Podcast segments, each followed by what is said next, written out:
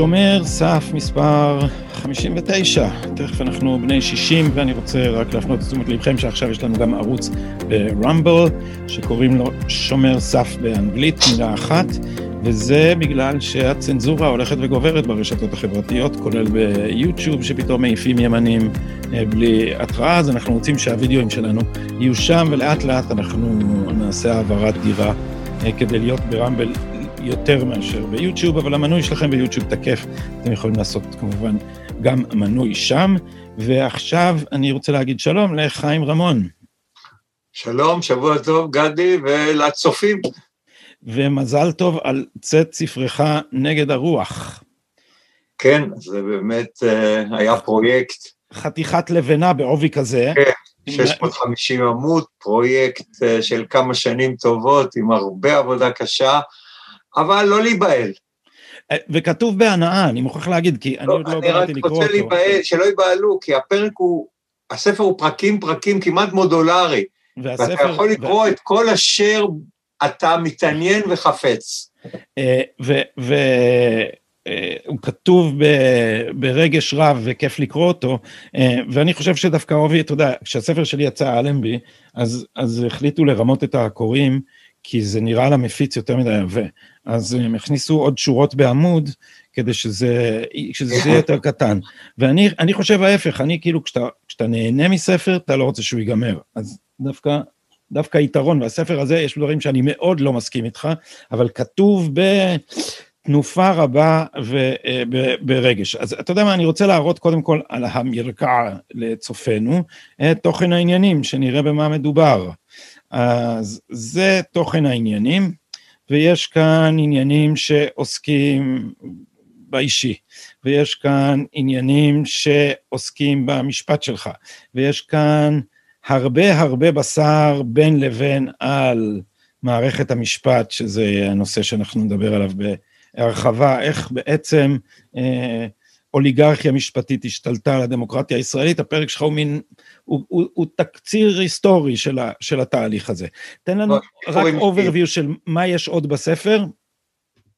אה, יש אה, את ההסתדרות ואת אה, המהפכה בבריאות ובהסתדרות, יש את אה, הקמת הגדר, איך קמה הגדר, יש את כל תהליך אוסלו כפי שמנקודת ראות שלי, ירושלים, לבנון, עזה, אחר כך אה, השמדת הכור הסורי, שהייתי שותף. המפץ הגדול, המפץ הגדול. המפץ הגדול של הקמת... אה, מפלגת מרכז, קדימה. הקמת אה, קדימה, גרעין האיראני, ואני חושב שיש פה פרק מאוד חשוב על עסקת שליט, שזה אחד הפרקים ה... שאני מאוד מחשיב אותם, איך עושים, איך יש פסיכוזה של מדינה משחררת חייל בשבי, ואנחנו יודעים באותו יום שאיקס אנשים יירצחו, ואני אומר את זה בזמן אמת, על ידי משוחררי העסקה, אנחנו רק לא יודעים את השמות שלהם.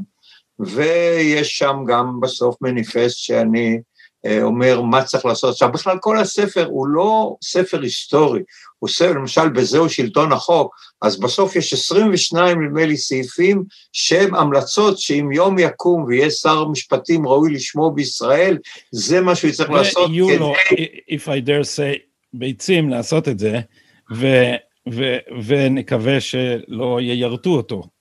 כן, מקווה שלא ירטו אותו, בזהו שלטון החוק יש איך ירטו את כל אלה, וזה, איך אמר לי מישהו שקרא את הפרק הזה, אומר, זה היה לי בוקס בבטן, אני ידעתי הכל, אבל אף פעם לא ידעתי שזה כל כך מרוכז, וזה עשה לו בוקס בבטן, ואני מנסה גם שם אה, להראות, דוגמה, אבל גם בכל, גם בעניינים המדיניים, גם בעניין של עסקת שליט.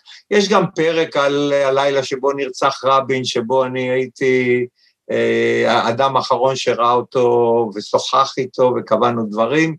וכמובן יש את המשפט אה, שאני אה, מוכיח סעיף אחרי סעיף, הכל עם מסמכים, איך תפרו תיק, עד פסק הדין המופרך, איך לאחר מכן, למרות שוועדות חקירה קבעו את אשר קבעו שהיה שם רשלנות רבתי והייתה פגיעה בהגנה, אפילו רות דוד המושחתת אומרת שזה הזוועה שלא נתנו לי, אבל איש לא חשב לבוא ולהגיד כתוצאה מהפגיעה הקשה בהגנה, צריך לבטל את המשפט, לא עלה על דעתם אפילו, וגם כשאני מבקש לעשות את זה, הם מנפפים אותי כלאחר יד.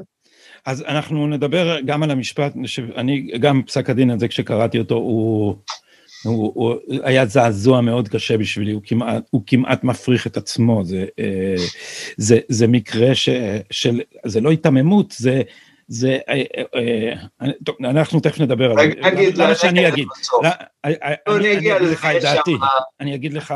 אני אגיד לך גם מה היה לי, איך זה עבר עליי, החוויה הזאת שבגללה אני מגיב כל פעם שמגנים אותך בעניין הזה. אז הנה הספר.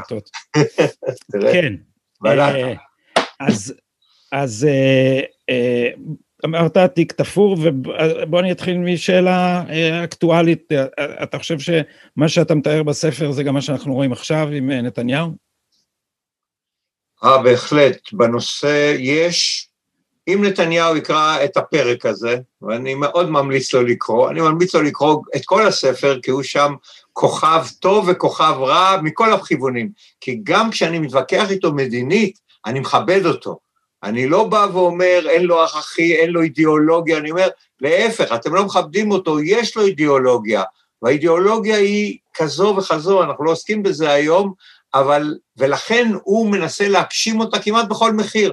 כמו שבן גוריון הגשים את, להבדיל את מדינת ישראל.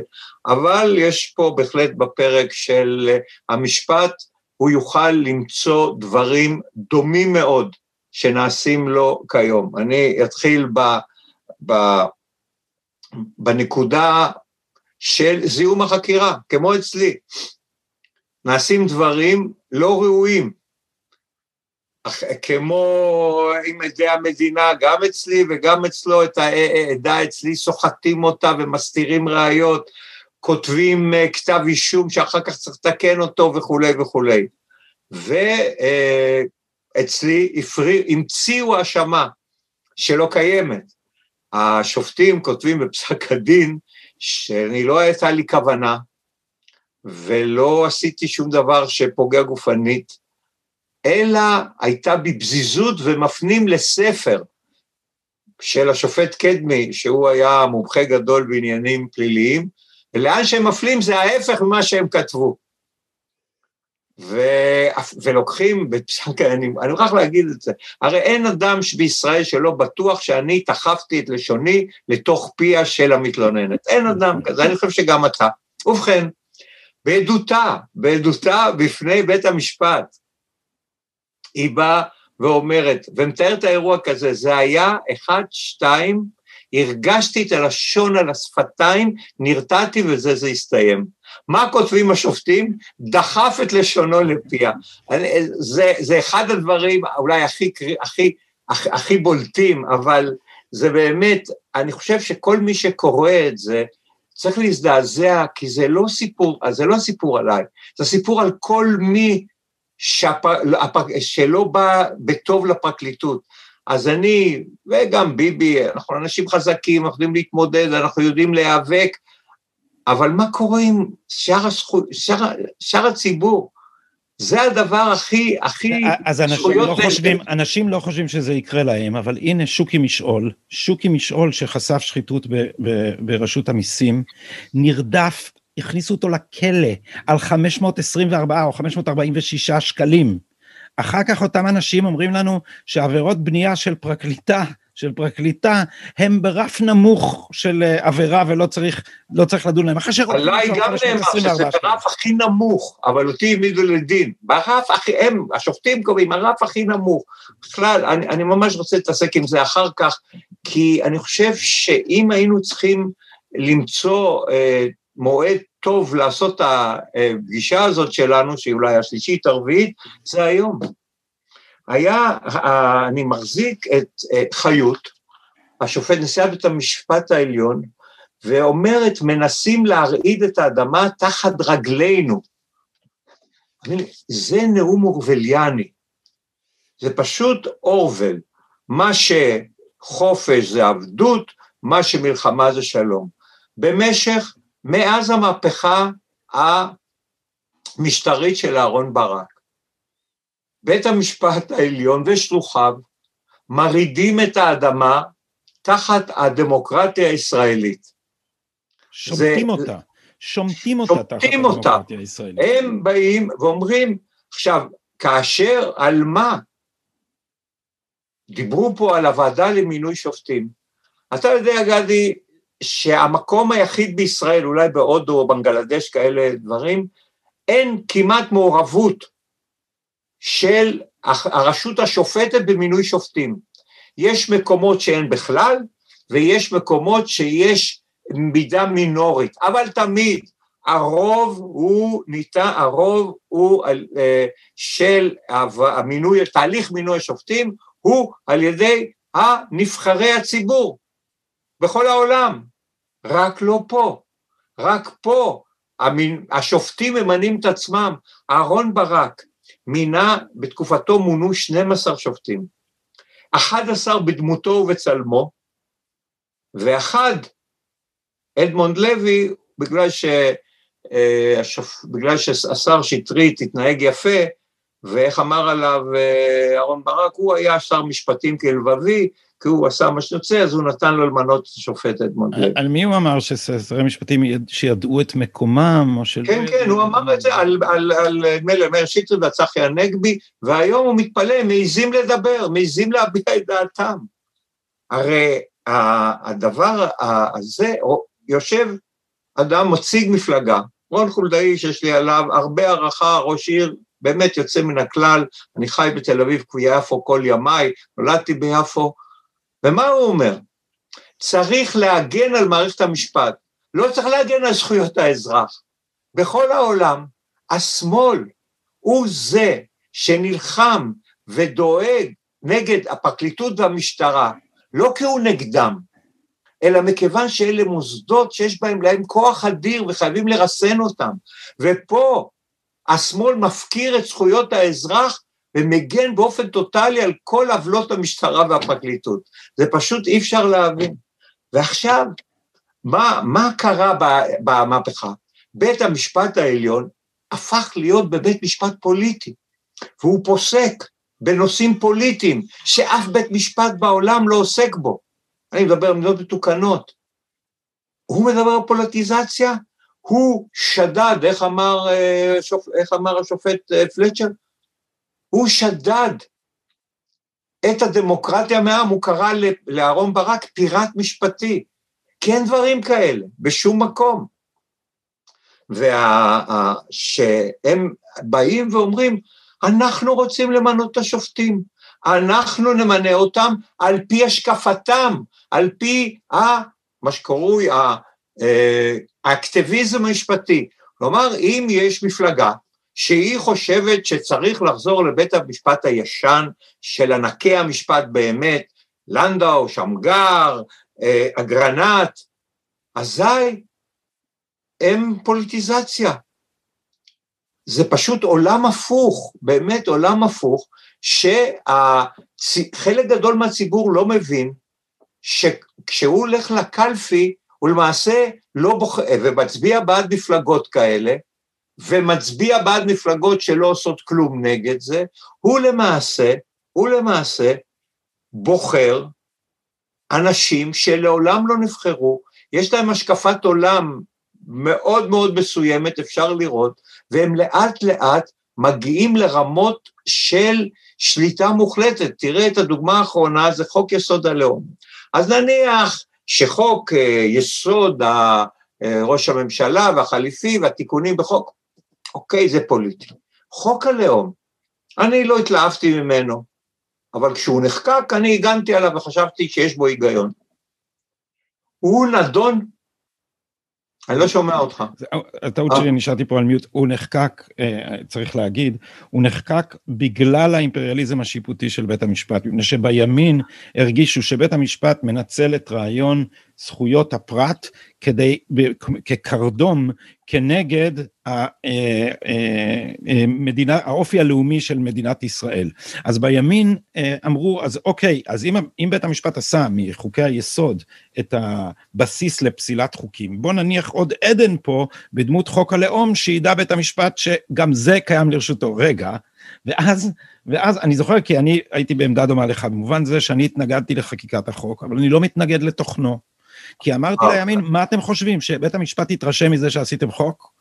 הוא הרי uh, קורא לתוך החוקים מה שהוא רוצה, כי אהרון ברק עשה מה שאני קורא התקפה פוסט-מודרנית על שלטון החוק, בזה שהוא קבע שלמילים אין משמעות, אלא עד שהוא יחליט מה המשמעות שלהם. אז עכשיו חוקקו, חוקקו את חוק היסוד, אני אספר לפני שאני חוזר אליך רק עוד מילה אחת, כי כי היה לי ויכוחים עם אנשים בימין, כי אמרתי, אז תכניסו לשם את השוויון, או תכניסו מבלי לפגוע בזכויות מיעוטים, או משהו כזה, כי כנהוג בפרקי חוקה, כשנגיד סלובקיה או אה, רפובליקה של צ'כיה עושה חוקה, אז כתוב שזה מדינת הלאום של הצ'כים, אבל שגם למיעוטים יש, אה, לא ייפגעו זכויותיהם וכדומה. זה מתאים לאופן שבו בנויה מדינת ישראל. למה לא תכניסו את זה? והם אמרו לי, אתה לא מבין, הם ברגע שנכניס לשם את השוויון, הם יבטלו את חוק השבות. וזה הדהים אותי, כי הם לא צריכים שזה יהיה כתוב בשביל שהם יעשו משהו. זה, זה המקום שאליו הגענו, כן. אז אני, אני מדבר על הפרוצדורה. ישבו על החוק הזה ודנו במשך שנים. זה לא כלאחר יד. הריבון דן, וזאת התוצאה. אתה אוהב אותה, אתה לא אוהב אותה. אז מה עשו? הלכו לבית המשפט העליון כערכאת ערעור על הריבון. עכשיו, בית המשפט העליון שבראשית הדרך אמר שחוק... שהוא שואב את כוחו לבטל חוקים מחוקי היסוד, זה מה שהיה בפסק דין מזרחי, אפילו אהרון ברק אמר את זה במשך שנים. עכשיו הם באים והם דנים בחוק היסוד, זה לא פעם ראשונה, הם כבר ביטלו חוקי יסוד, לא כל כך שמו לב, והם ודנים בו, ושואלים כל מיני שאלות מה זה, מה זה הדוגמה שהם ביטלו חוק יסוד?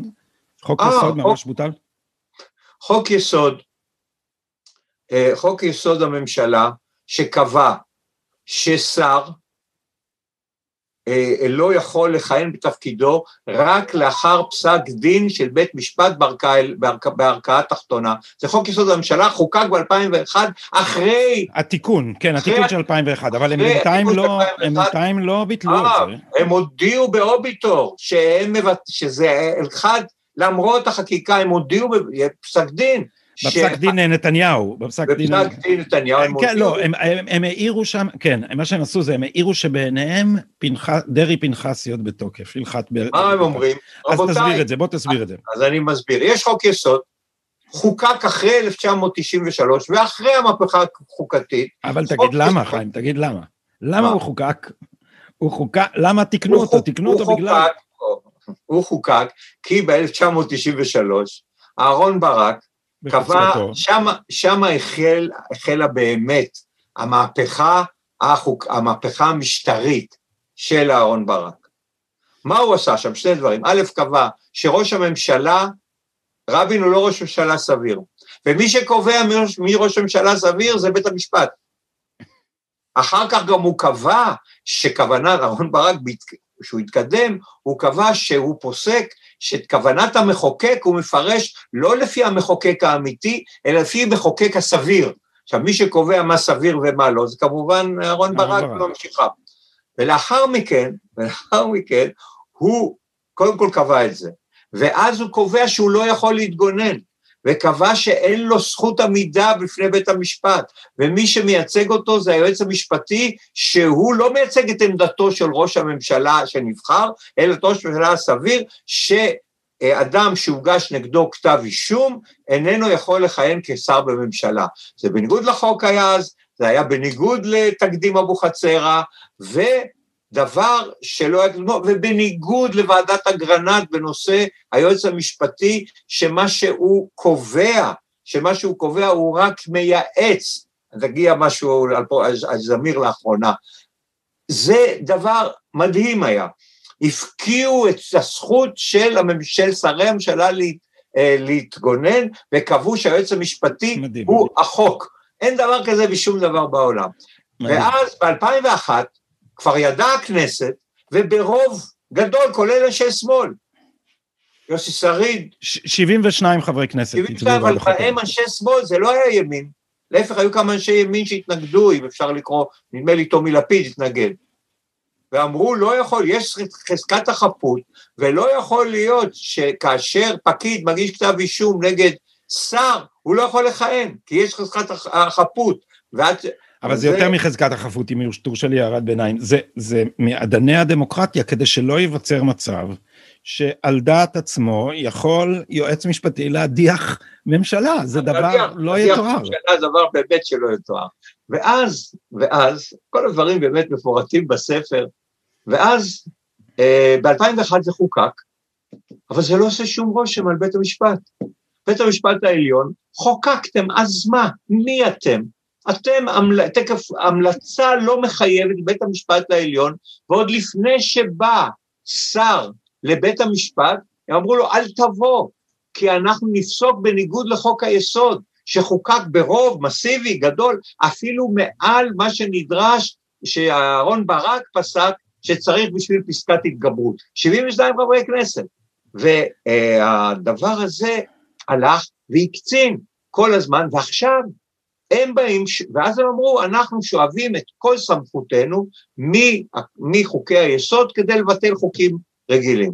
גם זה, הם, הם, הם נכסו לעצמם דבר שהכנסת לא התכוונה, ולא, ונאמר שזה הפוך. נאמר בדיונים של הכנסת. נאמר נשמע, בדיונים. אני ישבתי מול משה לדור, ישבתי מול משה לדור בתוכנית טלוויזיה בפגוש את העיתונות.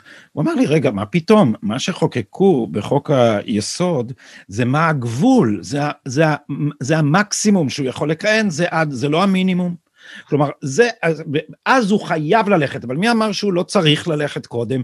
ובית המשפט קורא לזה כשירות לחוד ושיקול דעת לחוד. כן, כלומר, הוא כשיר לכהן, אבל אנחנו עדיין יכולים לפסול אותו, זה פשוט, זה לא יאומן, הדברים לא, שהאנשים האלה שמים על הדף. אני כל הזמן רוצה שהצופים ידעו, אין דבר כזה בשום מקום בעולם. זאת אומרת, מה שהמציאו פה זה, אין, זה, זה אוליגרכיה שלא קיימת בשום מקום בעולם, אין באירופה, אין בארצות הברית, בשום מקום מתוקן אין את זה. כל הזמן לזכור שזו המצאה באמת, ואני אחזור על זה עשרים פעם, שבאמצעים משפט, משפטיים שדדו את הדמוקרטיה, את הדמוקרטיה של הציבור, ולמעשה הקימו אוליגרכיה, אבל אני חוזר שוב לחוק היסוד, עכשיו הם בנו וזה אהרן ברק כבר לפני שנתיים אמר את זה, שחוקי היסוד צריכים להיבחן לפי מגילת העצמאות, שכולם יודעים שזה לא מסמך משפטי, שהוא לא אמר את זה, הוא אמר שבראש הפירמידה עומד חוקי יסוד, אבל כשהוא, עכשיו הוא אומר, אנחנו שלב אחרי שלב, אנחנו נתקדם, נהרוג טורקי, או נהרוג בזה חלק אחד בדמוקרטיה, ועכשיו הם, בבית המשפט העליון, הם יחליטו לפי כל אחד לפי השקפתם. ומה שאני רוצה להגיד, בתי, בית המשפט העליון ושלוחותיו פוסקים לפי השקפתם. ומכיוון שהשקפתם ברוב המקרים מנוגדת להשקפת רוב העם, וצריך להבין, זה לא על דינים פליליים, זה הכרעות פוליטיות משמעותיות בכל, בכל התחומים. להחליט אם, אה, על מדיניות, האם הורסים בית של מחבל, זה מדיניות ביטחון, שמחליטים האם אנחנו כדי אה, לשחרר את גלעד שליט מפעילים אמצעים מסוימים כמו לא להחזיר גופות מחבלים, או, או להכניס את ראשי המחבלים מהחמאס בתנאי כלא קשים, בג"ץ אומר לא, וזה סוג של אחריות ללא סמכות. סליחה, סמכות ללא אחריות, וכשהיה דיון הזה אמרתי, תסלחו לי, את ההפגנות לשחרור גלעד שליט, איפה עושים? לפני בית המשפט העליון? עושים בדרג הפוליטי. והם קושרים את ידי הדרג הפוליטי. אנחנו, בית המשפט, באמת, זה, הכל מופיע עם מובאות בספר, אנחנו בית המשפט, בית המשפט העליון היחיד בעולם שדן בנושא בג"ץ, שדן בנושא בג"ץ תוך כדי לחימה. אין דברים כאלה. אתן שלוש-ארבע דוגמאות שבאמת הסוהרות צומחות למי שיש. זה אי אפשר להאמין. והכל, אין, דבר, אין בשום מקום בעולם שדנים בדיני מלחמה תוך כדי מלחמה, או מאבק נגד טרור. אין דברים כאלה. עכשיו אנחנו נגיע ליועץ המשפטי, ואז הם בנו את פורמט של היועץ המשפטי, שפרופסור אבינרי אמר, שהוא האיש הכי חזק בעולם, יותר חזק מנשיא ארצות הברית, יותר חזק מנשיא צרפת, מראש ביחס למשטר, כן. ביחס... הוא אמר, הוא אמר שבשום, שמכל בעלי התפקידים בכל העולם הדמוקרטי, היועץ המשפטי לממשלת ישראל הוא הכי חזק. מאז לא שמענו לא, את אבינרי לא על הדבר שהוא, הזה. לא רק שהוא הכי חזק, מאז משפטי לא ביבי, אבינרי לא השמיע אף מילה על הדברים האלה. לא- אנחנו נגיע לביבי בסוף, כי זה, שנגיע למשפט שלי על, על הדברים הדומים, על מה שאני אומר. ואני, אה, הדברים האלה, הם כל אחד מפורט וממוסמך. עכשיו, למה יש ברית בין השמאל ובין האוליגרכיה המשפטית והפקידותית? כי השקפת עולמם היא זהה, הם למעשה אומרים, אנחנו סומכים עליכם.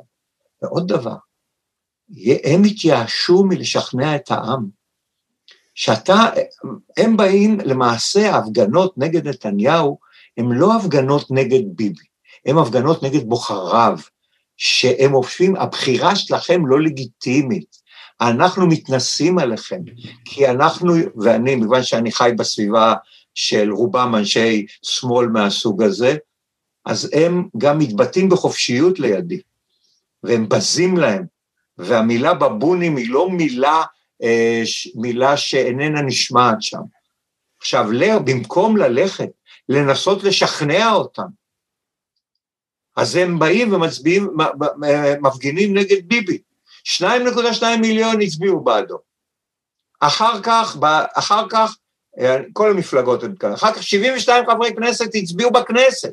אפילו בית המשפט העליון קבע ברוב של 11 נגד 0, יש לי מה להגיד גם על האקטיביזם של הנימוקים האלה, של בית המשפט, והם מצפצפים כל פעם שמשהו לא מוצא חן בעיניהם, בבית המשפט העליון הם דורסים אותו גם. לכו, תנסו לשכנע, אבל אתם התייאשו מהדמוקרטיה. זה לא רק התייאשו, חיים, אנחנו, היה לנו שיחה על זה, אני זוכר בעודי קונה פלאפל ביד שנייה, היה לנו שיחה על זה שזה בעצם כי כש, כשדיברנו על הכותרת של הספר שלי, אתה התייחסת לכותרת המשנה, מאבקן של האליטות נגד הדמוקרטיה הישראלית. יש פה מחנה אנטי דמוקרטי, תפסיקו להגיד לנו שההפגנות האלה הן מימוש של הזכות הדמוקרטית. הם באמת, יש לכם זכות דמוקרטית להפגין, אבל אתם מפגינים נגד הדמוקרטיה, למה אתם משקרים? הכרעה של העם, הכרעה של הכנסת והכרעה של בית משפט העליון. יש יותר אנטי דמוקרטים מזה? כאשר באים ומדברים על הזכויות, ויש דברים נוראים שקורים מבחינת זכויות אזרח. זכויות נחקרים, נאשמים, עדים, נרמסים יום-יום. אפילו יש חוק, אתה יודע, יש חוק שאסור לאזוק אלא במקרים מיוחדים. נאשמים באים לבית המשפט אזוקים, והתרגיל הכי גדוע שלהם, שאני מצטט את שמואל הולנדר, שהם מודים שהם מחזיקים תיקים פתוחים, בעיקר נגד נבחרי ציבור, כדי לשמור אותם על הגריל. אתה יודע שיש תיק נגד, נגד אריה דרעי חמש שנים, עוד לפני שחזר לפוליטיקה. מה, על מה התיק? תחשוב, איזה דברים מסובכים, מורכבים, שום דבר. עבירת מס לכאורה. חמש שנים הוא על הגריל. למה? כי כשהוא על הגריל, לצערי הרב, הוא נאלץ לפעול מתוך הנחה שהוא לא רוצה להיכנס לעימות שלה עם היועץ המשפטי. איך אמר מני מזוז פעם? אם יפרידו את תפקיד היועץ המשפטי מהתובע, אז איך יהיה לי כוח על השרים? לא, לא, אז השרים יתחילו לעשות מה שהם כן, רוצים. מה שהם רוצים, לא, הסאבטקסט היה, הסאבטקסט היה שהשרים יביעו את עמדותיהם, בלי פחד שהוא למחרת יתבע אותם, או יחזיק תיק פתוח לידם. אני כן, מספר בספר את הסיפור על השרה רוחמה אברהם, שהייתה, גם פה היה צריך להיות, אה, השופט ורדי זיילר כתב דוח על דוח, באחד מהשלושה, שקבע שבתיק שלי היו העלמת ראיות שמעוררות חשש לזדון. והוא המליץ להקים ועדת בדיקה. ועדת, ועדת החוקה של הכנסת, על דעת כל חבריה, המליצה לעשות את זה. אהוד אולמרט הלך להקים את הוועדה הזאת, ומני מזוז איים על השרים. מעשה, אני, אני טוען, אני טוען בספר, אני אומר, הוא היה איום בסחיטה. כי, זה, היה בתקופת, זה היה בתקופת התיקים של, ה, של ה... איך זה? העמותות של ברק? העמותות של לא, ברק? לא, לא, זה 2008. אחרי המשפט שלי, אני חוזר למשנה, אני משנה ראש הממשלה, והוא מצלצלים, מי שמצלצל, שרה רוחמה אברהם, ואומרים לה, יש, לה, יש תיק פתוח נגדך. אתה יודע על מה התיק היה פתוח? על זה שהיא נסעה לחו"ל אה, בטיסת הובלת ירקות של הגרקסקו. גם אותו החזיקו כחמש שנים פתוח. ואומרים לה, תחשבי טוב אם לבוא, כי יש תיק פתוח. וכל אחרים שהיה להם תיקים, תיקים פתוחים, אלה ידעו להצביע יחד, יחד עם uh, מני מזוז, זה ממש התנהגות אה, מאפיוזית, זה לא, זה שם אחר. אני טוען, אני אומר, אני קובע פה, אני מאשים את מני מזוז, שהוא, שהוא עבר שלוש עבירות, זה לא פשוט להאשים שופט בית משפט עליון. אני מפרט בספר אחד לאחד את העבירות שלו, ואני קורא לו או להתפטר או לתבוע דיבה. הרי לא יכול להיות שבא בן אדם, כתוב בספר, ואני אומר, הוא עבר על סוב יודיצה ושאי אפשר, אה, וכמה פעמים, יש פסיקה שסוב יודיצה, לא מאשימים אה, מי שמתגונן, אבל לרשויות המדינה אסור לעבור סוב יודיצה, אמירה חריפה של בית המשפט העליון. אחר כך הוא היה שותף וגיבה, גיבה את העלמת ראיות, גיבה את העלמת הראיות ושיבש הליכי משפט בכוונה תחילה, וסחט את שרי הממשלה והיה בניגוד עניינים מובהק, כי את מה הייתה חוקרת בזה? וזה שופט בית משפט העליון. ואני אומר לו, אדוני מני מזוז, שופט מני מזוז, תתבע אותי, ואם לא תתבע אותי על דיבה, אז אני אומר לך שאתה צריך להתפטר, כי אתה, כי אתה כי אתה עבריין לכאורה, ואני אומר, אתה עבריין לכאורה, ואני מוכיח את הכל, זה לא, האמירות האלה הן קשות, תאמין לי אם זה כתוב בספר וההוצאה הוציאה את זה, היא שוכנעה שגם אם יתבעו דיבה, יהיה, אה, אני, אני אנצח במשפט. אבל אם אני חוזר למני מזוז, אם אני חוזר לתקופה הזאת, היועץ המשפטי הפך להיות האיש שעל פיו אישה כל דבר, ולאחרונה, שזה באמת, אני, אני מוכרח לקרוא את זה, אני מוכרח לקרוא את זה כי זה... אה, תן לי מילת מפתח, אני מוצא את זה ונראה את זה גם על המסך. לא, זה, זה, הנה כבר אני מצאתי, הכל בסדר. בספר של אה, אולי האידיאולוגית של שלטון המשפטנים והאוליגרכיה הפקידותית, דינה זילבר. דינה זילבר, אז כתבה ספר, עמוד 200. היא מצ... כנראה ראיינה אותו, ומוכרחים לקרוא את זה כי זה אולי שיא השיאים שאין בשום מדינה אפילו לא על יד. אומר השופט בדימוס חייצרים, זה לא נכון לומר שלשר אין כל מעמד, לשר יש say. יש לו say, אבל כשהיועץ המשפטי לממשלה שוקל נושא שהוא צריך להכריע בו, במסגרת שיקוליו עליו לתת מעמד ומשקל גם לדברי השר, שהוא איש פוליטי. ומביא לך, ומביא לך נקודת מבט נוספת של הממשלה. זה שיקול חשוב. ההכרעה, תקשיב טוב, זה אי אפשר להאמין. בסוף צריכה להיות לפי מה שהיועץ המשפטי לממשלה חושב שהוא חוקי ונכון. כלומר, היפוך זאת אומרת, לא היועץ כפי שאוזנר ב-1961, שבן גוריון אמר לו, תגיד, אתה חושב שמה שאתה מייעץ אנחנו צריכים לקבל? הוא נעלב, הוא נעלב. פה היפוך, היועץ המשפטי הוא השופט, הוא קובע, והשר יש לו עמדת יועץ, השר מייעץ אבל, ליועץ. אבל הציטוט הוא מיצחק זמיר, לא? אני טועה? הציטוט הוא של יצחק זמיר כן, בספר כן. של דינה זילבר. כן, אוקיי. אז זה אני אומר, היא כנראה ראיינה אותו, וזה שם. לאן הגענו? וכל זה קורה כשאף אחד לא קם. אף אחד לא בא ואומר, רבותיי, עזבו, יש הנושא המדיני, נושא המדיני, כולם אמרו, עכשיו כאילו עוזבים אותו. אני מקבל את זה.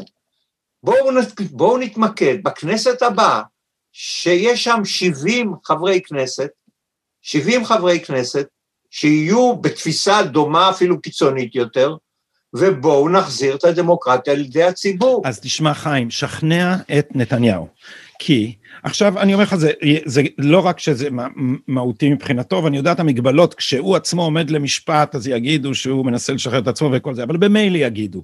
אבל מבחינתו זה גם מהלך טקטית מעולה מפני שמי שמתחמק עכשיו באיזה גדעון סער אה, או משתחווה בעקיפין ל, ל, אה, לשלטון המשפטנים וימינה כבר אומרים שלא צריך לטפל בזה אם נתניהו ישים את זה על השולחן בתור האישו של הימין האנשים האלה יצטרכו לגלות את הקלפים שלהם ויהיה לנו פעם אחת הצבעה על הדבר הזה. אני מקווה, כי לי אין למי להצביע, כי מי שלא שם את זה לא מצביע. עכשיו תראה גם כמה, כמה חוסר הבנה פוליטית יש לבן אם הליכוד, אם הליכוד שם את זה, אתה תצביע? ליכוד? אני אצביע, אני אומר עוד פעם, לכל מפלגה שאני אהיה משוכנע שגם תבצע. אם גדעון יגיד, אם, אבל אני מחכה לשמוע מהם. אבל אני רוצה להגיד משהו על... גם יש... ביבי, גם ביבי? גם ביבי, גם ביבי, אני אין לי... אוקיי. אני שאלו אותי על ביבי, שאלו, אני, האם היית רץ בחירות והיית מקים מפלגה, האם היית מצטרף לביבי? אמרתי, אני אצטרף לכל מי שהעם בחר ויסכים ליישם את 22 הסעיפים שכתבתי בספר. כי אני לא מעל העם, אני מכבד את הדמוקרטיה, והעם יודע בדיוק במה, מכיר את ביבי, יודע במה הוא נאשם, ואנחנו עוד לא גמרנו לטפל בעניין הזה של ביבי, זה מה שצריך לעשות. אבל זה, אני מדבר יאיר, יאיר לפיד. מה אתה עושה? על מה אתה מתחרה? הרי אה, חולדאי כבר תפס את המשבצת יחד עם ניסנקורן, שאני אגיד עליו מילה, של ניסנקורן, שאתם כבר שפוטים, אתם בכלל רוצים שיבחרו בכם ומישהו אחר ישלוט. כן, זה חשב. מפלגות שאומרות לבוחר שלכם, אנחנו, תן לנו את הקול שלך ואנחנו נעביר אותו למישהו אחר. נעביר אותו הלאה. אנחנו נשאים של הקול שלך. אבל יאיר לפיד, אם היה חכם, והיה בא ואומר, איפה אני יכול לקבל קולות אולי מהימין, היה הופך את זה לדגל, מה עוד? מופיע בספר. ב-2014 הוא, הוא אמר דברים חריפים מאוד על בית המשפט העליון. הוא כן. הגדיר את זה לא, אבל אמר, אמר איזה... אבל אמר, אמר, שהוא... חיים, לפני הבחירות האחרונות, הוא אמר שבשום פנים ואופן הוא לא יקים קואליציה שנשענת על הערבים, ובשום פנים ואופן הוא לא יקשב עם ביבי, לא, והתוצאה היא שבשום פנים ואופן הוא לא כן, אומר את האמת. כן להגיד מילה שב-2014 הוא היה בסדר, הוא היה שר בממשלה, הוא נוכח בכם, הוא אמר, יש השתלטות עוינת של בית המשפט העליון והפקידים על הדמוקרטיה בישראל. ואני יכול, הוא אומר, אני יכול לתת מאות או עשרות ואפילו מאות דוגמאות. בתוך תוכו הוא לא השתנה, רק אפילו הוא לא מבין איפה האלקטורט שיכול להיות לו. אבל אני רוצה, אני הבטחתי לך משהו, כן. הבטחתי לך משהו על ניסנקורן. כן. יש חוצפה ובוגדנות וחוסר הבנה של מישהו במערכת הפוליטית בשנים האחרונות, זה, אה, זה ניסנקורן. קודם כל, ניסנקורן נכנס לממשלה על בסיס הסכם שהכל נעשה ביחד. והוא מונה לשר משפטים והוא הבטיח שהוא יפעל לפי ההסכם הקואליציוני. היו שיחות, והיה חששות גדולות בליכוד, רצו את חיליק טרופר, ובאו וגנץ על דעת, על דעת אה, ניסנקורן אמר, אני אכבד את ההסכם. והיה מישהו שלא כיבד את ההסכם, קוראים לו נתניהו, שהוא לא רצה לקיים את הרוטציה. עד שלא הופיע גדעון סער, הוא לא רצה לקיים את הרוטציה. אבל אז, הייתי אומר, המפר השני היה ניסנקורן. כל הליכי, כל הליכי בחירת פרקליט המדינה באופן מוחלט בניגוד להסכם. אני אגיד לך עוד משהו. כל ההתנהלות בוועדה למינוי שופטים בניגוד להסכם. כל, העני, כל הדברים שקשורים לוועדות איתור בניגוד להסכם. כל העובדה שלא מינו, בגללו, ועדה אשר דנה בנויי בחירוין בגללו. כלומר, כל הסעיפים האלה. עכשיו, שבאתי לתקן, אז אמרתי, אנחנו מתקנים את שני חלקי המשוואה. ביבי התחייב לרוטציה בזמן וכדומה, אני לא אכנס לנושא הזה, ומהצד השני יתוקן גם. עכשיו, הוא יושב בישיבה שאני נוכח בה, הוא כבר מנהל משא ומתן עם שלוש מפלגות אחרות, והוא נחשב עוד ראשי כחול לבן, והוא מנהל משא ומתן עם חולדאי, מנהל משא ומתן עם מפלגת העבודה ומנהל משא ומתן עם יאיר לפיד. עם שלוש מפלגות, כשברור שהאינטרס שלו זה לרסק את כחול לבן, לא לאפשר לו להגיע להסכם. לכך התכוון אה, אה, אה, גנץ כשהוא אמר שהוא הכניס לי סכין וגם סובב אותה. עכשיו הוא גם ממציא המצאות על העניין המשפטי, פשוט שקרים בוטים.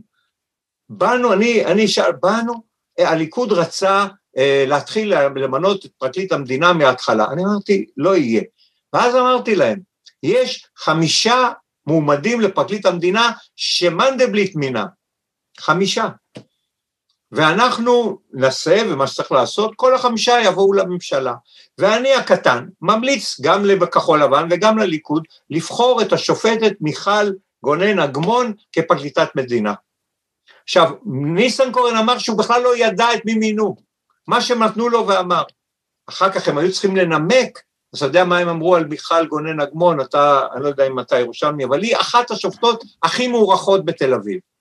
אמרו שהיא מוזרה ובלתי צפויה.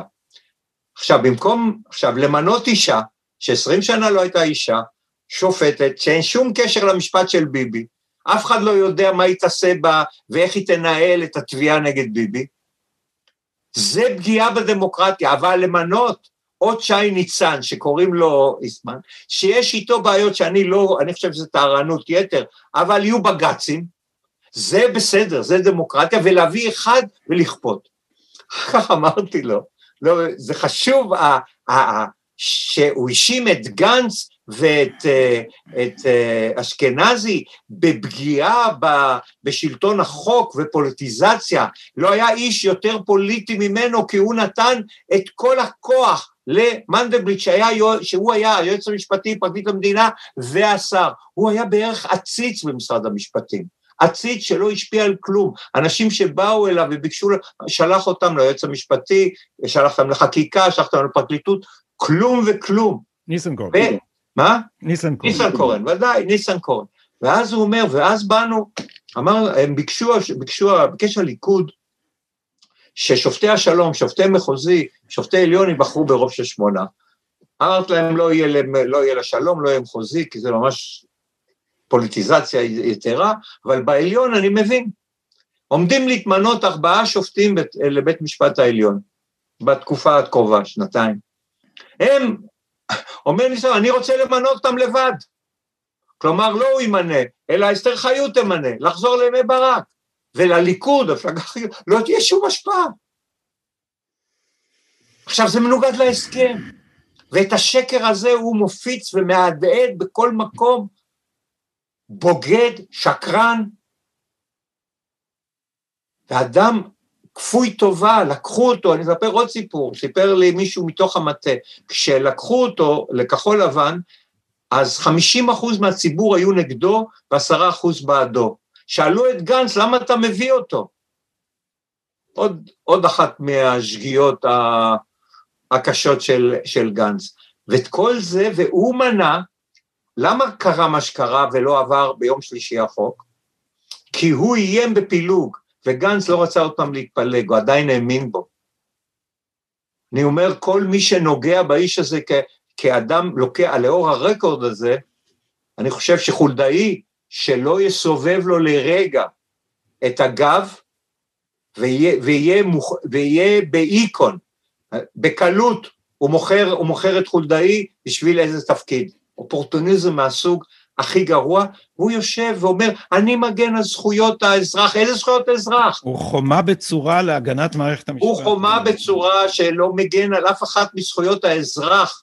זכויות האזרח בישראל יום-יום נרמסות מדי פעם, וגם זכויות הדמוקרטיה, הזכות הבסיסית של אזרח זה שמה שהוא בוחר יבוא לידי ביטוי, ולא שהוא, איך אמרת, שאני בוחר את אה, חולדאי או ניסנקורן, אני בחרתי את חיות לנהל את חיי. אבל זה, זה, יש פה, העניין של הדמוקרטיה הוא העניין הכי חשוב במקרו, נכון. ברמת המיקרו, הדבר הזה עם הפרקליטות, זה רבאק, זה, זה מפחיד ברמות אחרות. ואני חושב שבמובן הזה, התיקים של ביבי, אתה יודע, ידידי אראל סגל אומר, הם ניסו לצוד את מובי דיק, וכשאתה מנסה לצוד את מובי דיק, גם הספינה שלך חוטפת. פתאום אנשים ראו, פתאום אנשים הבינו שאם כשזה ראש ממשלה, יכולים לרמוס את הזכויות שלך ככה.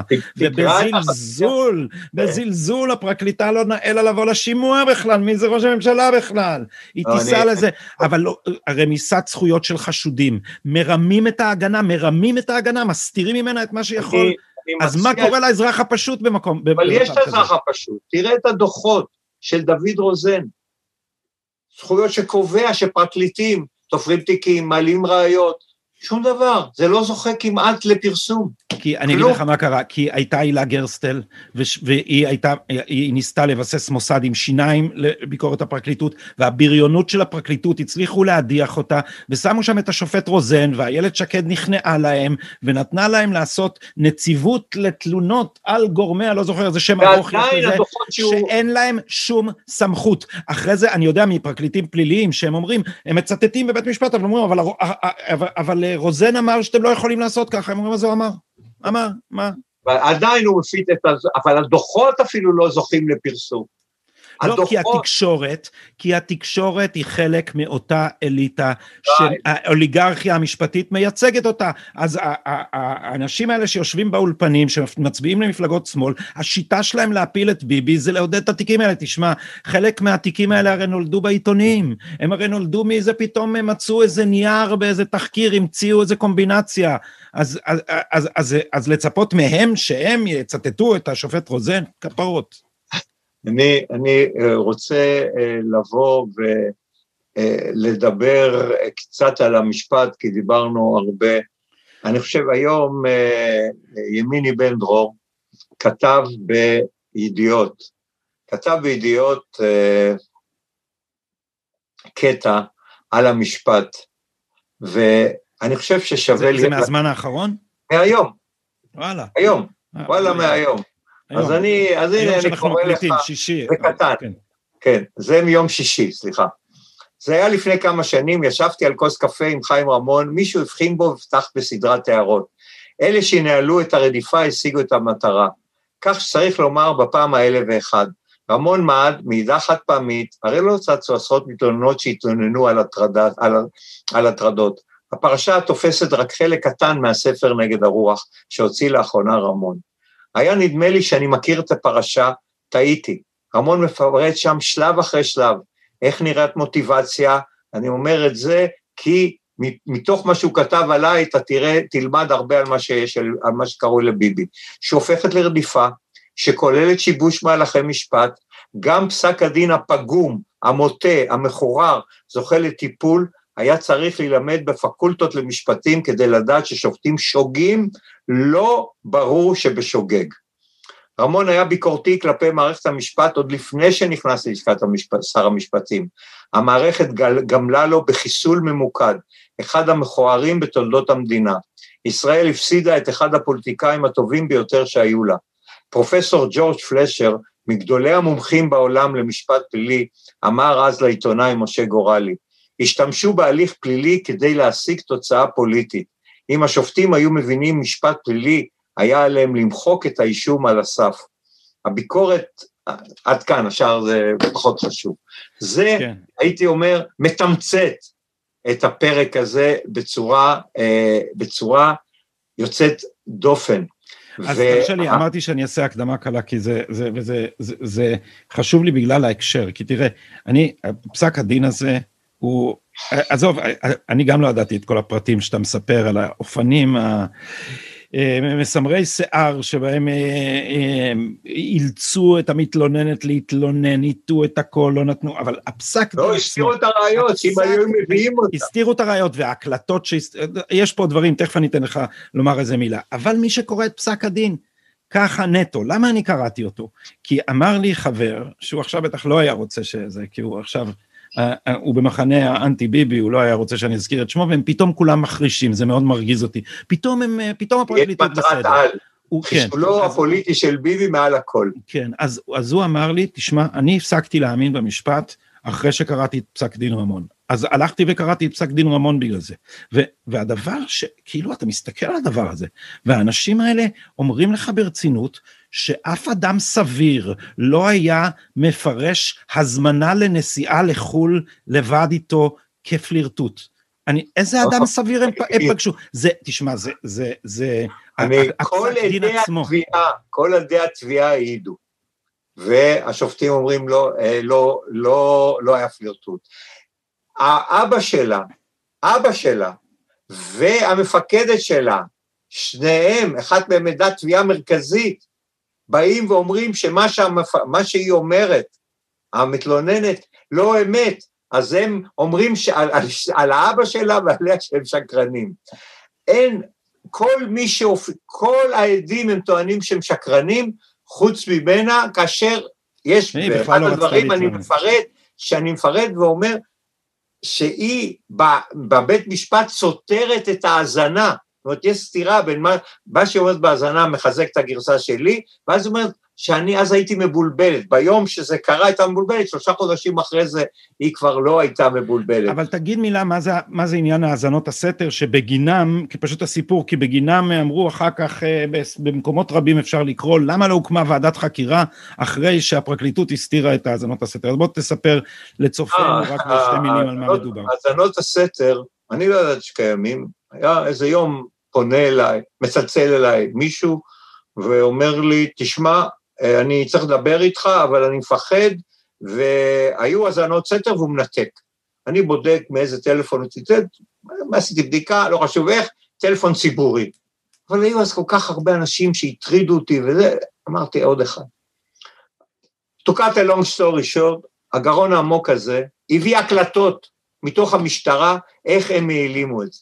עכשיו, אני לא מקבל את זה, העלימו האזנות סתר שבה מתואר כל הסיפור, איך לחצו על, על, על המתלוננת. אה, לחצו עליה להתלונן. להתלונן. לא כן. איך, איך, איך הם הסתירו את הראיות, איך הם החליטו למנוע את זה, איך הם עשו, כל הדברים האלה, איך בכוונת מכוון הסתירו. עכשיו, כל מה שהיה בהקלטות האלה, אם היה לי אותם, בחיים לא הייתי עומד למשפט, בכלל הערה, מני מזוז, אותו עבריין לכאורה מהפעם הקודמת, אמר שאם הייתי, אם הייתי אה, מתנצל, אז לא, הייתה, לא היה משפט. אז קודם כל הוא משקר גם פה, כי אני בפעם הראשונה די התנצלתי, בווידאו קונפרנס, שזו פעם ראשונה ואחרונה שעשו וידאו קונפרנס, בעימות בווידאו קונפרנס, ביקשתי להתנצל, ולפי ההוראות של המשטרה, הקצינים, היא סירבה להתנצל, היא סירבה אה, אה, לקבל את ההתנצלות, וזה אה, עוד, עוד אחד מהסיפורים האלה שהיו. אבל ברור לכל שאם היה את החומרים האלה, בית המשפט אמר שהיה בזה חצייה, חציית קווים אדומים וצריך להקים ועדה. ובתוך המש... זה היה חומר חקירה. וכמובן... עכשיו, הקצין, הקצין העבריין, שגם הוא עבריין עם מעורר, ערן קמין. ערן קמין, אבל הייתה מעליו סנ"צ מירי... כן, סנ"צ מירי גולן, שגם היא עבריינית. שמעולם לא עמדו לדין כמובן, לא צריכים להגיד, הם לא שילמו מחיר, מה פתאום, מה פתאום, זה רק אזרח שרמסו אותו. הוא אומר, שואל אותו השופט ורדי זיילר, אתה אומר פה דבר, אתה בא ואומר שהסתירו דברים, אז הוא אומר, אני לא עורך דין של חיים רמון, ואת לא מחפשים את האמת, כל מה שלטובתי הוא ידע, הוא הסתיר. היה סיפור באמת, אני... המפקדת מצלצלת אחרי החקירה לאותו ערן קמין, ואומר, תשמע, המתלוננת נתנה לו את הטלפון כי היא רצתה שהיא חוזרת מחו"ל לעבוד איתו. אז ערן קמין מסרב לקבל את העדות הזאת, ואומר שתבואי להיא, תספרי את זה. עד העדות שלה לא ידעתי בכלל שהיא רצתה לעבוד איתי, וחד... תקיפה וכולי וכולי. שלוש דקות אחרי זה היא נותנת את הטלפון ומספרת למפקדת דברים כאלה. זה פרק, הפרק הזה צריך להחריד, לא בגללי. כל אזרח בישראל. הוא מחליט, כי מה שהוא אומר בעצם, מה שזה אומר בעצם, זה שאם הם שמים עליך את היד, אין לך שום סיכוי. אין לך שום סיכוי. תראה מה עושים לראש ממשלה. עכשיו, אני רוצה באמת, לביבי, ואני, אתה קורא בספר, אני יריב פוליטי של ביבי, אני לא הצבעתי לו לעולם. ואני אומר... אבל אולי תצביע לו עכשיו. אולי. תלוי, מעשיו, מעשיו יקרבו ומעשיו ירחקו. אני מאשים אותו בספר שהוא עשר שנים אפשר את השערורייה הזאת. בצדק, היה בעל ברית שלהם. בצדק, אני, הוא חשב פעמים, שאם הוא יעזוב אותם, הם יעזבו אותו. שלוש פעמים, הוא חשב שזה יקרה. שלוש פעמים רצו לפ... להפריד את תפקיד היועץ המשפטי לממשלה, והוא מנע את זה. עלה, אתה יודע מה קרה, איך קרא לו אהרן ברק? האיש שמגן על שלטון החוק.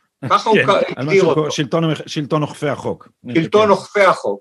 כן. זאת אומרת, שלטון אנטי החוק. אבל מה, מה, מה, למה הספר, הפרק הזה עכשיו?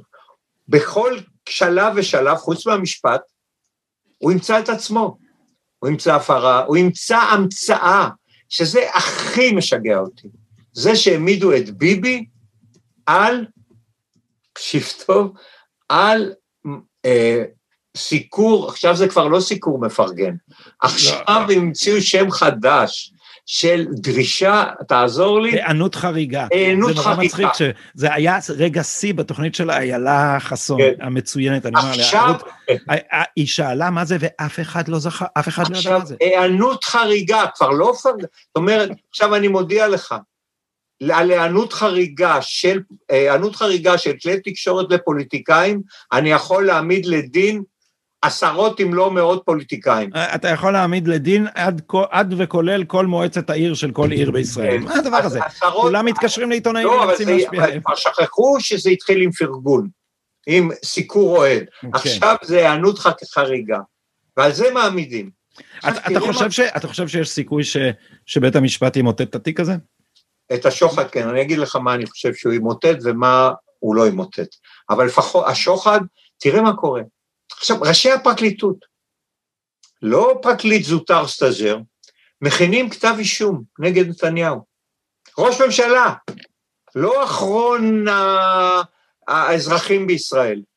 צריכים להקפיד הקפדה יתרה, הקפדה מאוד יתרה, ובית המשפט אומר לכו הביתה, תתקנו את, ה, תתקנו את כתב האישום. כל משפטן יודע כמה, כמה החלטה כזאת היא חריגה. למעשה הוא אמר להם, חבר'ה, תעשו, תהיו, תהיו חכמים, תרדו מהעניין הזה. הם פשוט לא יכולים לרדת ממנו, אבל תרדו ממנו. כי לא על זה יהיה תפארתכם. אם אני נתניהו, אני על, על הדבר הזה מנהל את תיק, תיק שהוא לקח שנים שאני מעמיד לדין גם פרקליטים שפנו והיה היענות חריגה, אני מכיר כאלה פרקליטים שהם מקבלים כל הזמן, הם תובעים, אה, הם תובעים ויש היענות חריגה לבקשותיהם. ממערכת המשפט, כולל יועץ משפטי שיושב עם עיתונאים, ויש היענות חריגה לבקשותיו. הרי זה דבר נורא. אה, רק לפני כמה ימים רן ברץ אמר לי פה בערוץ שומר סף, אמר לי מנדלבליט לא היה צריך ללכת להתייעץ עם אינטלקטואלים, הוא היה צריך ללכת לעורך דין בשוק הפרטי ואומר לו תסתכל על התיק הזה, מה היית בוחר להיות, תביעה או הגנה? זה היה אומר לו הכל. אבל זה, זה דבר נורא, זה יורד לשור. עכשיו, למה זה ככה? כי הם עלו על עץ גבוה. לא, אבל רגע, אני... רגע, חיים, אין, אין, הם לא, לתיק הזה יש פרופיל ציבורי, הם לא רגילים לזה. הם רגילים שהם יושבים, וכי אנחנו אמרנו. וזהו, אתה יודע, אני שומע סיפורים מפליליסטים מסמרי שיער, שפשוט הציבור לא יודע. הפרקליטות אומרת שטבעת, יש תיק על איזה עד מדינה מאוד מאוד מפוקפק, עורכי הדין רוצים להראות שעד המדינה מפוקפק, אומרים תביאו את התיק שלו, טבע, טבע בתחנת בית שמש בביוב, אחרי זה מוצאים אותו על דיסק, מישהו מביא אותו על דיסק, מוציא אותו מהפרקליטות, משקרים, לא קורה כלום, לא קורה כלום אחרי שהם משקרים. בספר אני מספר על עורך דין מאוד ידוע, סנגור, פלילי, אומר לחיים, תגיד, על מה אתה מתלונן? זה שהעלימו ממך ראיות, זה מעשה של יום-יום. עכשיו, גם בתיקי נתניהו העלימו ראיות. עכשיו העלימו ראיות, עשו תרגילים. חלם, באמת חלם. עשו תרגילים, התרגילי חקירה עם אה, ניר חפץ, התרגיל חקירה עם אלוביץ' הוא עוד יותר מזעזע. אני אומר לך, אם הבן שלי בא אליי ואומר, אבא, אתה צריך לשקר כדי שהמשפחה תינצל, ואני הבן שלך והאבא של הנכדים שלך מתחנן בפניך, תשקר. ואת זה מקליטים. ואלוביץ' לא מסכים. אני, אם אני אלוביץ', אני מספר מה שהם רוצים על ביבי. ואני חושב שהרבה מאוד אנשים היו עושים את זה. כן. כי בסוף... אתה אומר שהיית נכנע מול הלחץ של הבן. ודאי, אני צריך לבחור בין הבן שלי לבין ביבי, אני בוחר בבן שלי, במשפחה שלי. זה סביר והם יודעים את זה. הם יודעים את זה, וזה תרגיל אה, לגיטימי. והחקירה זוהמה יותר, כן. יותר מפעם אחת, כולל עם כל סיפורי שי ניצן, ושלא לא, לא פגעו, לא רצו לפגוע באלשיך, כי זה עלול היה לפגוע בחקירה. יש שם, כן. די לחכימה, ואתה מכיר את ה... יש המון דברים בתיק הזה שצריך להיות לכאורה, כמו אצלי, כולו, איך אמרו לי, תיק פשוט, בתיק כל כך פשוט, כמה, כמה שיבושי משפט, מש, הליכי חקירה ומשפט היו. בתיק הכי פשוט בעולם. אחי, עכשיו שתבין, אנחנו אנשים נורמטיביים. אם אני היום בא ואיך מביאים אותי תחנת משטרה, אני לא פותח את הפה. תסמרו, למה הם לא מצליחים עם, אה, עם עבריינים? כי עבריינים שומרים על זכות השתיקה. אם אני לא הייתי מדבר, והולך אחר כך, אמרתי, זה מה שאלו אותי, הולך לעורך דין, ויושב זה, אה, לא היה משפט. עכשיו, אנחנו אנשים נורמטיביים, אני במשפט, אני מראה את התמונה בספר, יש שתי תמונות, אחת אני יכולתי להראות, השנייה לא, כי, אה, כי זה היה חושף אותה, שרואים, את התמונה אומרת יותר מכל. כשהראו לי, אני ידעתי שיש תמונה, אז אמרתי, תראו לי את התמונה, אני אלך הביתה. מראים לי את התמונה, איך לדבריה היא נראית, מחייכת, וזה כאילו אחרי האירוע, ואז אומרת לי מירי גולן, אתה לא רואה את הדמעות בעיניים שלה? והעיניים צוחקות. הלכתי לשלושה מומחי, אה, מומחי, מומחי לראייה, אמרו אין על יד אפילו. ואז הבנתי שאני בצרה גדולה, כי ההחלטה הייתה עוד לפני שהגעתי. כן, ושיאנסו את הראיות, ואז אין לך מה לעשות. אני רוצה להגיד לסיום, זה עולם של ש... כן. שקשור, שקשור לזה.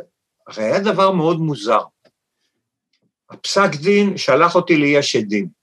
גזר הדין העלה אותי על נס, וכל תביעות הפרקליטות להטביע בי קלון, נדחו בהינף יד על ידי בית המשפט. הוא העלה על נס את, את פעילותי הציבורית וכתב את הסעיף שעל פיו אני יכול לחזור, וקבע שמדובר במקרה אה, חד פעמי הכי נמוך, ברמה הכי נמוכה של העבירות, ואין מדובר בעבריין מין. ולא, זה, וללא עכשיו אני אגיע לטהרנים בסוף, אתה תיתן לי את זה, כי זה חשוב. בבקשה, אז אנחנו, ואז, רוצה, ואז, רגע, אני רק רוצה, אתה, תגיע לעניין הטהרנים, ולסיום אני רוצה ש-22 הסעיפים של מה שאתה רוצה לעשות, לפחות תן לנו uh, תמצית שלהם. אני, כן, אני אתן תמצית. קודם לעניין הטהרנים. הטהרנים. לפני הטהרנים. ואז הולכת בחירה מאוד uh, מבית המשפט השלום, ונפגשת עם בחירה מאוד בבית המשפט העליון. והיא שואלת אותה, הבחירה בעליון, תגידי, איך את מסבירה את פסק הדין החמור מאוד ואת גזר הדין שהוציא אותו עם flying colors? תקשיב טוב מה היא אומרת לה, מה לא ברור פה, הבחירה מהשלום.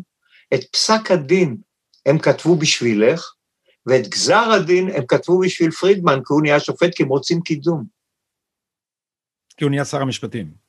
כי הוא נהיה שר המשפטים, והם ידעו שאם יהיה, כי הוא אמר את דעתו על פסק הדין. אמר זה לא היה משפט, כתב, אלא משפח. בארנק והחרב הוא כתב כן, דברים חריפים מאוד. הוא כתב את זה. ה... וזה זה היה. אחרי, עכשיו אני מגיע לטהרנים. כמה צביעות ומוסר כפול. הטהרנים לא מפסיקים לצטט את, גזר, את פסק הדין. אף אחד מהם לא מצטט את גזר הדין, שקבע שאין קלון, ושאני יכול לחזור, ואכן חזרתי. חזרתי לבית המשפט, חזרתי להיות משנה לראש הממשלה, ואז uh, גורמים, ארגוני נשים, בעיקר מהימין הקיצוני, שפחדו ממני לאור העברי מבחינה זאת, ופנו ל- לעליון. עשו בג"ץ על כך, וכותבת השופטת, פרוקצ'ה, והיא אומרת, מדובר במקרה, אה, במקרה חד פעמי שאיננו מעיד על פגם מוסרי מובנה. כלומר, היא נתנה לי הכשר מוסרי. עכשיו, אתה חושב שזה עושה רושם על הטהרנים? כי הם רום, כל פעם שהם מדברים נגדי, הם רומסים פסק דין של העליון, שזה אחד מעיקרי האמונה שלהם, והם ממשיכים לדבר על זה. ובאחד היום, נמחקה העבירה. אני, אתה ואני מבחינת הרישומים הפליליים אותו דבר. שכל מי שמזכיר את זה עובר עבירה פלילית. אתה חושב שהם לא יפסיקו להזכיר? אני חושב, אבל, אבל למה שלא תתבע קצת? למה שלא תתבע? אני, אה, אני, שמישהו יגזים אני אתבע. אני אתבע כ... אני בתור באזהרה. כי, כן, כי הדבר הזה, תשמע, כי אחד הרעות החולות של, ה, של הזמן הזה ושל המדיה החברתית, זה העדריות של ההמון המסתער. אה, אני כבר אחת... אתה רק חשוד במשהו וגומרים על החיים שלך. כן, איך אני, אני אספר גם פה סיפור. אני מספר, אלי קמיר, אתה זוכר שהוא נחקר בפרשה, בפרשת אה, בזק? אלי קמיר היה עיתונאי, עיתונאי, והוא היה יחצן של בזק, ועצרו אותו, ולא, עצרו אותו לשבעה ימים, לא חקרו בכלל. לא חקרו, עכשיו החליטו לא להעמיד אותו לדין. שבעה ימים כדי לשבור אותו. כן, אז שעוצרים בלי להעמיד... כן, גם על זה אני... בלי, גם זה אני... לחקור, זה דבר... זה דבר של משטרים זה... אפלים, זה, זה אתה קורא אצל דיקטטורים של, של דרום אמריקה ובמשטרים קומוניסטיים. שכחתי לציין, באמת זה חשוב. כאשר אני ביקשתי מהפרקליטות להעביר לי את uh, חומרי החקירה, את ההקלטות הסתר, שלושה מכתבים רשמיים כותבים, אני מציין אחד מהם בספר, צילום שלו, לא היה ולא נברא, לא היו האזנות סתר. אחרי זה שלא הייתה להם ברירה, שלא היה להם ברירה, אז הם באו ונתנו את זה. אז פנינו, ל... פנינו למזוז שיפסיק את המשפט וכולי, אז מה הוא ענה? הם עשו את זה בתום לב. כמה מכתבים, כמה, אם, אם שר היה כותב שלושה מכתבים רשמיים שבהם הוא משקר, כמה זמן הייתה לוקחת החקירה נגדו אם הוא עשה את זה בתום לב או לא? אבל לי הם עשו את זה בתום לב. כל מה שהם עשו פה, הם עשו רק בתום לב. אני כמובן בזדון, שאשר בסוף... אני אגיד לך מה הם עשו בתום לב, הם בתום לב הגנו על מערכת המשפט מפני שר לא לעומתי, זה מה שהם עשו. ופה אני בא ואומר, תשמעו, אולי אני מבין אותם. אני הייתי הכי אפקטיבי לעשות את המהפכה, הם ראו את זה, כל יום שהייתי, מארבעת חודשי כהונתי, עשיתי מהפכה. שיניתי, הם השתגעו ממני. אני לא אפרט, זה מופיע בספר. ואז הם אמרו, או, ש, או שהוא עושה מהפכה, או שאנחנו מסלקים אותו, כמו שכתב ימיני, סיכול ממוקד. ולכן הדברים האלה, הם, הם, הם צריכים לזעזע כשהמערכת מחליטה, ואני אומר, תבינו, אני לא מגן על ביבי, אני מגן על כל אחד. קודם כל אני מגן על כל שרי הממשלה, אני מגן על כל הנבחרים, ואני מגן על כל אחד מאזרחי ישראל. אתה זוכר שמנדלבליט דיבר נגד, אה, מנדלבליט דיבר על, אה, על כך שמחזיקים נגדו כבר שנה תיק פתוח. רישום במשטרה, אתה כן, זוכר? כן, מחזיקים אותו בגרון, אה, שי ניצן מחזיק אותו בגרון. ויש לו, מה זה, יש לי, יש לי כבר שנה רישום, ומה יהיה עם הרישום הזה? אתה יודע כמה אזרחים יש להם רישום פלילי במשטרה? לא. מיליון ורבע. אתה יודע לחלקם כמה שנים יש את הרישום הפלילי? ויש לזה משמעות על חייהם יום-יום, מאות אלפים. ולא אכפת לאף אחד, לאף אחד לא אכפת, זה מוציא אותי מהדעת. זה שהם נלחמים נגד נבחרים, אוקיי. הם אנשים חזקים, זה סיכון מקצועי, הייתי אומר. איך אמר אמנון רובינשטיין? אם הייתי נבחר, אה, המשרה הכי מסוכנת בישראל זה שר המשפטים, הייתי שר המשפטים הייתי הולך עם עורך דין צמוד, אמנון רובינשטיין. ועוד יכולתי עוד, עוד רבות לעיין, אני ממליץ, אה, ממליץ מאוד... אה, לקרוא בספר. לקרוא, לקרוא את הכל, אבל אם מישהו מתעניין במה שדיברנו הערב, אז יש פרק על מערכת המשפט, ממש בפתיחת הספר, שהוא תולדות ההפיכה המשטרית של אהרן ברק, כמו שאתה קורא לזה. כן. אז חיים, 22... אני הייתי שם, אני הייתי שם ונלחמתי בזה, וכל הזמן, את חוקי היסוד, איך אמר רועי לין, חוקי היסוד של 1992, לא, 92. כן, סליחה. 92, דרך אגב, ממשלת מעבר, ממשלת, שמדברים על ממשלות מעבר, לא היו נחקות ללא, ללא פעילותך, ואני מודה באשמה. אבל התנאי שלי היה, כמו שאמר אוריאל לין, לא משנים את היחסים בין בית המשפט העליון לבין הכנסת. כן, ואוריאל לין הלך והונה את הכנסת פה, כך, והונה לא. את uh, ועדת חוקה, חוק ומשפט, uh, ואמר כך. להם שלא יהיה, ולא ייתנו לבג"ץ זכות לפסול חוקים, וזה, וככה הכנסת הסכימה. לא, הם גם עכשיו, אמרו, כן. זה דבר גדול, אהרן ברק אמר שזו הייתה מהפכה בהיחווה. אתה שמעת? לא, הוא אמר שניתנה לישראל חוקה בהיחווה. כן. ניתנה בהיחווה. שמעת? חוקה בהיחווה. חוקה בהיחווה. זה, זה הדבר הכי מדהים. הדמוקרטיה המהותית. כן. דמוקרטיה לא, מהותית היא כמו גם, גמילות חסדים, היא נעשית בסתר. גם אמנון רובינשטיין, גם אוריאל לין, גם אוריאל לין, אמרו שאם היינו אומרים במפורש שאנחנו נותנים את הכוח לבית המשפט העליון, לא החוק לא היה. עובר בכנסת. זה לא היה עובר. יפה, חיים, אנחנו... אה, אני, אני, אנחנו, אני אגיד לך מה-22 אולי, כן. זה לא עלה אותך, קודם כל, ובראש, אנחנו רק אה. נבהיר, 22 הדברים שצריך לדעתך לעשות כדי לתקן, להחזיר כן. את הדמוקרטיה להחזיר את הדמוקרטיה לישראל, לחלץ אותה מהאוליגרכיה לא, המשפטית. ולחזור למצב המשפטי שהיה עד המהפכה של ברק. אני, תגיד, עד ברק היה פה, היה פה פוליטיזציה, לא הגנו על זכויות אזרח, אגרנט הפקיר אותם, לנדאו הפקיר אותם, שמגר הפקיר אותם, לא היה. היה פה משטר דמוקרטי לעיל ולעילה עם הפרדת רשויות, כמו שצריך בכל מדינה, והם התריעו, לנדאו, את כל מה שקרה, לנדאו, לנדאו, השופט הנשיא לנדאו, אמר, הולך לקרות, כולם הזהירו בפני זה, אבל הם עשו את זה בכוונת מכוון. זה לא שהם לא ידעו, ככה אנחנו רוצים. איך אמר השופט לנדאו, אתם רוצים, לא, אתם לא רוצים להיות שופטים, אתם רוצים להיות מושלים. הם רצו והקימו פה את רפובליקת החכמים, לגבי החכמים אני מטיל ספק, אבל רפובליקת החכמים של אפלטון, לא סוקרטס, אפלטון. והדבר הראשון זה להפריד את תפקיד היועץ המשפטי לתובע הכללי וליועץ משפטי שמגן על הזכויות. תראה, ניקח את ביבי שוב. היועץ, היועץ המשפטי בכובעו כתובע מעמיד לדין את נתניהו. בכובעו כיועץ משפטי הוא קובע אה, מה יהיו דרכי המימון של הנאשם. כן, הוא כן. קובע מה יהיה ניגוד העניינים של הנאשם. דברים הזויים לחלוטין, אבל זה בכל עניין ועניין.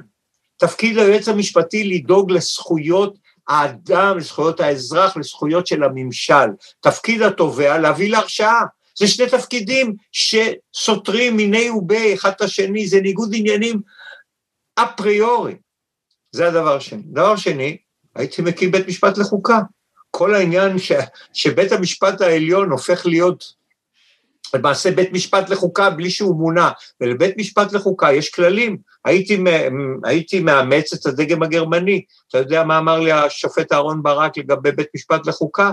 את הש, את ה, אה, הוא אמר, לא לי, הוא אמר בהרצאה, את הג'וק הזה צריך להרוג כשהוא קטן. בטח, זה הנש, זה לא ג'וק, זה, זה- זה, זה הפצצה הגרעינית. זה, אז אמר, צריך לעשות את זה קטן, ועוד בשלב של ה...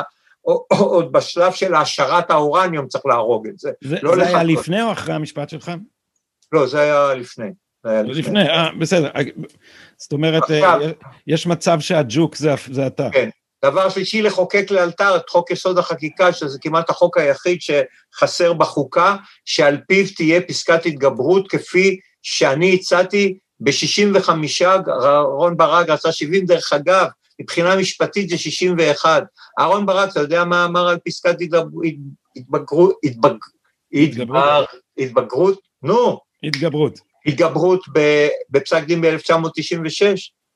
הוא אמר בפסק דין שהוא דחה טענה כזאת, הוא אמר שפסקת התגברות היא כלי חברתי ופוליטי לגיטימי ב-96, ב-61, זה מה שנאמר.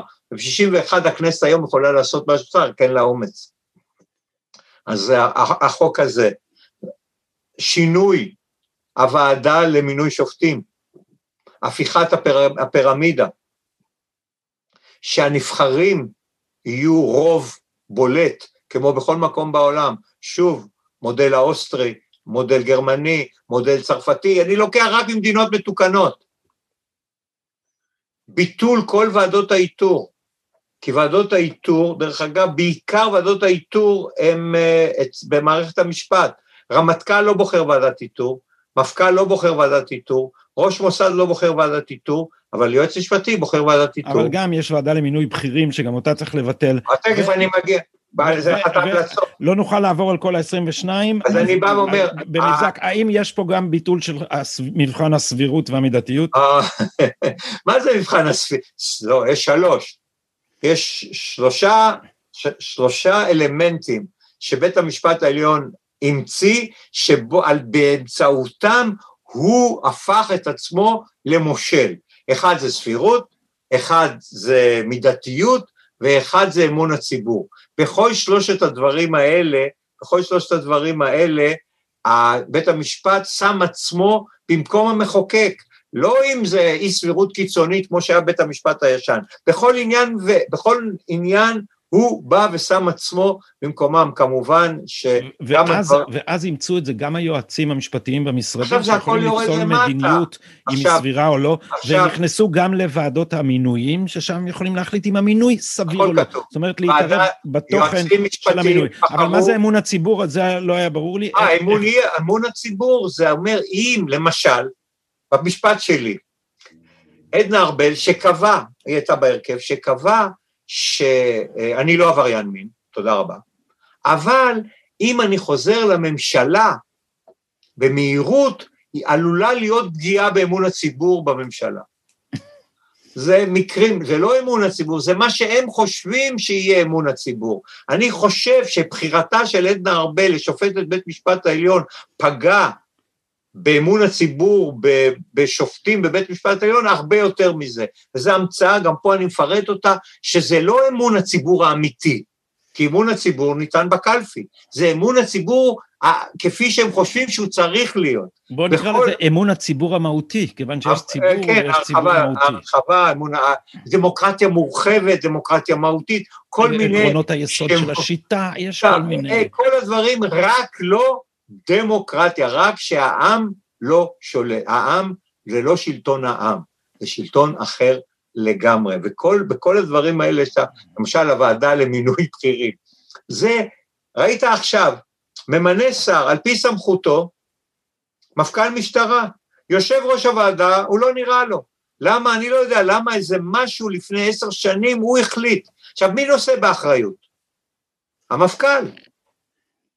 מי פוסל? למה אין שנתיים מפכ"ל, אומרים? גם אחד מהשקרים. שנה וחצי זה בגלל המערכת המשפטית.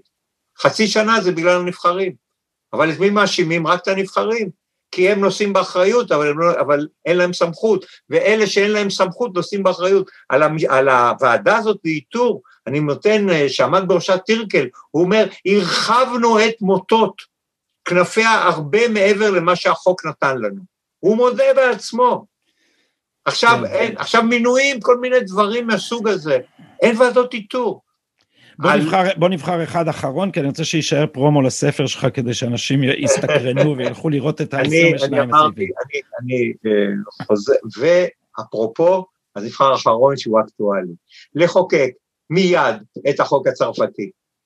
שלא עומד ראש ממשלה לדין במהלך כהונתו, אלא אם זה עבירות. זה. גם תוך כדי משפט נתניהו על נתניהו או להבא? לא, לא, רק להבא, כי זה מאוד מסובך לעשות חקיקה רטרואקטיבית. אבל אנחנו המדינה היחידה בעולם שמ-96 כל ראשי ממשלות ישראל היו בחקירה, כולם. נתניהו ראשון, ברק, שרון, אה, אולמרט, נתניהו שוב. כולם היו תחת חקירה. על זה אמר דיקן הפקולטה למשפטים בירושלים לשעבר, שבישראל, דותן. איך? דותן. דותן. הוא אמר שבישראל אקדח שמופיע במערכה הראשונה לא צריך לראות בשלישית. כולם מבינים את המשמעות. נכון. ובנימה אופטימית זו של הומור שחור משחור, כי זה ממש מפחיד הדברים שאנחנו מדברים עליהם, אני, אני מצטרף להמלצה, להמלצה לקרוא את הספר הזה באמת, ולא רק משום אה, ידידותנו, אלא כי זה, זה באמת חתיכת אה, מסע מכל הבחינות, ואני רוצה בהזדמנות אחרת להתווכח איתך על החלק המדיני-יומי. בהחלט, כי גם שם, ש... גם שם, גדי, אני לא היונים הרגילות. אני לא, לא. המצאתי לא. את החד צדדיות, אני עשיתי דברים כאלה, אני לא רוצה לתת לאויבינו לקבוע את גורלנו. אבל אתה בעניין הזה תמים כמותם, על זה עוד נוסיף להתווכח. אני לא תמים חס וחלילה, כן. ממש לא. ממש אה, לא. אה, על זה נתווכח. לימוד זה אשמה שלא האשימו אותי כבר שנים רבות. אז הנה, בפעם הראשונה, חכה, אנחנו נעשה עוד פגישה, במיוחד לדבר הזה.